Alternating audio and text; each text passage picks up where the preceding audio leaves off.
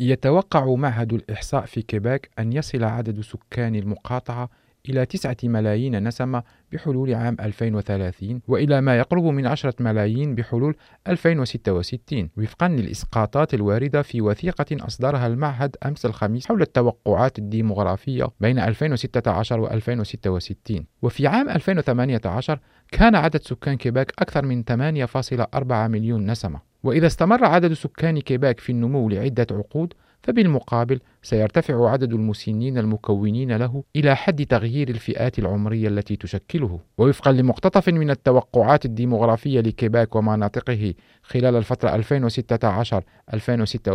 2016-2066 فبشكل عام سيزيد متوسط عمر سكان كيباك من 41.9 سنة في عام 2016 إلى 46.4 في عام 2066 وكدليل على شيخوخة السكان سوف يتركز النمو السكاني في مجموعة ال 65 سنة فما فوق؟ وفقا لتحذيرات الديمغرافيين. وضمن الزيادة الإجمالية البالغة 1.7 مليون نسمة المتوقعة في كيباك بين عامين 2016 و 2066 فإن مجموعة ال 65 سنة فما فوق ستزيد بمقدار 1.3 مليون شخص وفقا للوثيقة المكونة من 85 صفحة والمنشورة بمناسبة اليوم العالمي للسكان. وقد ترتفع نسبة كبار السن من إجمالي السكان من 18% في عام 2016 إلى 28% في عام 2066 وفقا للتوقعات. هذا يعني أن عدد السكان الذين تبلغ أعمارهم 65 عاما أو أكثر سينمو من حوالي 1.7 مليون في عام 2016 إلى أكثر من 2.7 مليون بحلول 2066 ومن بين هؤلاء يمكن أن تزيد نسبة الأشخاص الذين تزيد أعمارهم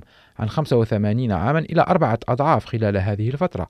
لتصل إلى حوالي 736 ألفا في عام 2066 وفقا لحسابات المعهد وسيصل عدد البالغين من العمر 100 عام إلى حوالي 45 ألفا بحلول عام 2066 بعدما قارب 2000 في عام 2016 Les générations nombreuses du baby boom franchissent tranquillement le seuil des 65 ans et plus. Donc, c'est le passage de ce, de ce groupe très nombreux-là, du groupe des 20-64 ans au groupe des 65 ans et plus, qui explique une bonne partie de cette augmentation-là.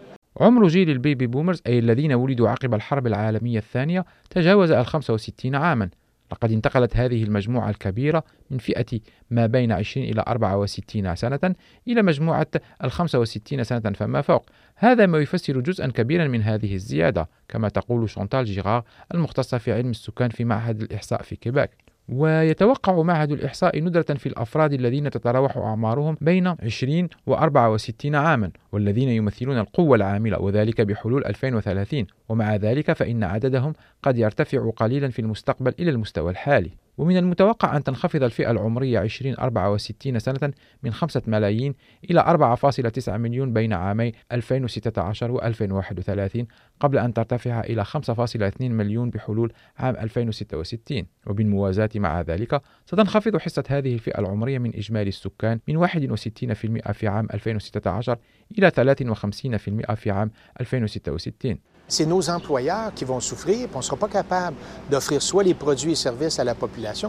mais surtout le développement économique. لن نكون قادرين على توفير التنمية الاقتصادية وتقديم المنتجات والخدمات للجمهور، كما قال إيف توما دوغفال الرئيس التنفيذي لمجلس أرباب العمل في كيباك.